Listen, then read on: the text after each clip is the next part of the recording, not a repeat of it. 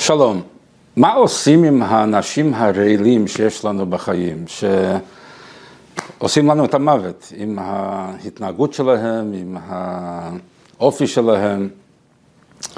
אז היום נדבר על זה, איך מתמודדים עם אנשים רעילים שנמצאים בסביבנו.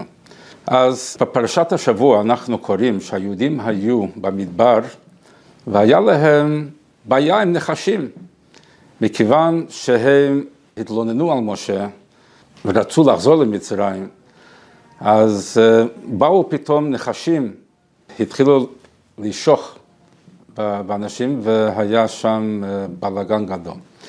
אז אה, ביקשו ממשה רבינו שיעשה משהו, אז הקדוש ברוך הוא אמר לו שיעשה נחש וישים אותו על נס, כמו שאנחנו קוראים בפרשה, כן, אומר לו, ויאמר השם אל משה, בפרק כ"א, פסוק ח', ויאמר השם אל משה, עשה לך שרף ושים אותו על נס, והיה כל הנשוך וראה אותו וחי. ויעש משה נחש נחושת וישימהו על הנס, ויה אם נשך הנחש את איש והביט אל נחש הנחושת וחי. כן, שני פסוקים בפרשה. מה קרה ואיך על ידי הסתכלות על נחש נחושת, איך זה עוזר? אז רש"י, אחד המפרשים הכי חשובים בתורה, מסביר את העניין ואומר ככה, ואמרו רבותינו, מביא את זה מהגמרא, וכי נחש ממית או נחש מחיה, אלא בזמן שהיו ישראל מסתכלים כלפי מעלה ומשעבדים את ליבם לאביהם שבשמיים, היו מתרפאים, ואם לאו, היו נימוקים. זאת אומרת שפה מה שריפא אותם לא היה הנחושת על הנס, אלא היה השינוי הפנימי שהיה בהם. כשהם הסתכלו כלפי מעלה, הגביהו את, ה, את, ה, את המבט שלהם, ולא הסתכלו על המצב רק כפי שזה נראה, אלא הסתכלו כלפי מעלה, ראו יותר עמוק, ראו את הבעיה אה, בקונטקסט אחר, זה מה שריפא אותם. מה המובן פה? המובן שבדרך כלל, איך זה שסם או רעל יכול להזיק לבן אדם? זה רק אם אין לו חיסון נגד הרעל. כי מי שיש לו חיסון נגד הרעל, זה לא עושה לו שום נזק. אז הבעיה פה זה לא האנשים הרעילים שנמצאים מסביבנו, אלא המצב הפנימי שלנו שאנחנו vulnerable, שאנחנו חשופים ו- ואין לנו חיסון נגד הרעל הזה. אז איך מתמודדים עם זה? זה עניין של גישה, זה עניין של מבט שלנו, איך אנחנו מסתכלים. אם אנחנו מסתכלים למטה, אז אנחנו חשופים ואנחנו יכולים להיפגע מזה. אבל אם אנחנו מסתכלים קצת יותר למעלה, מסתכלים על המצב שאם מישהו אומר לי משהו לא יפה, זה בעיה שלו, לא שלי. יש לו בעיה. מי שמתנהג לא טוב, בעיה שלו, לא בעיה שלי. אז זה לא פוגע בי, כי אני בתוך עצמי חזק ואני קשור למעלה, ומי שקשור למעלה לא נופל למטה. אנחנו רואים עוד סיפור בתורה עם נחשים ועקרבים שמשלים קצת את הרעיון.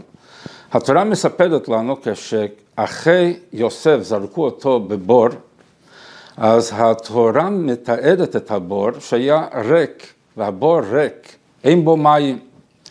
אז חכמינו שואלים פה, למה התורה צריכה להגיד לנו שלא היה בו מים, אם התורה כבר אומרת שהבור ריק, מובן מאליו שאין בו מים. אם היה בו מים, לא היה ריק. אז מסבירים פה שאומנם הבור היה ריק ממים, אבל היה מלא נחשים ועקרבים. ובתוך אותו בור זרקו את יוסף, והוא שרד. איך שרד יוסף מבור מלא נחשים ועקרבים? אז מסבירים זה היה בגלל המצב הפנימי שלו.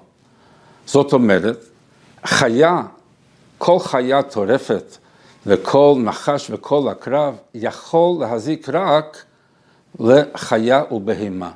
לא יכול להזיק לבן אדם, אלא אם כן הוא מתנהג כבהמה. מה ההבדל בין אדם לבהמה? הבדל פנימי. הבהמה מתנהגת לפי הדחפים שלה, לפי הטבע שלה, ובן אדם שולט על הטבע שלו ויכול לכוון את הטבע שלו ולשלוט על זה. אלא אם כן אדם מתנהג לפי הטבע, אז הוא מתנהג כבהמה. יוסף הצדיק שלט על הטבע שלו. אז הנחשים והקרבים פחדו ממנו, כי ראו בן אדם, בן אדם בן אדם, לא רק מי שנראה מבחוץ כבן אדם, ובתוכו הוא בהמה.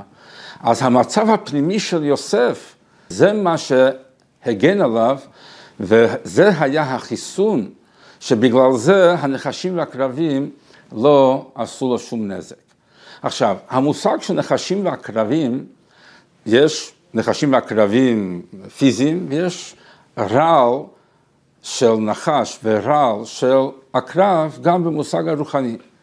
הרמב"ם כתב ספרים על הנושא של רעלים ואנטידוטים, איך, איך, איך לרפות אה, במצבים שונים של נשיכת נחש ועקרב, וכלל גדול הוא אומר שהרעל של נחש זה רעל חם, ורעל של עקרב זה רעל קר.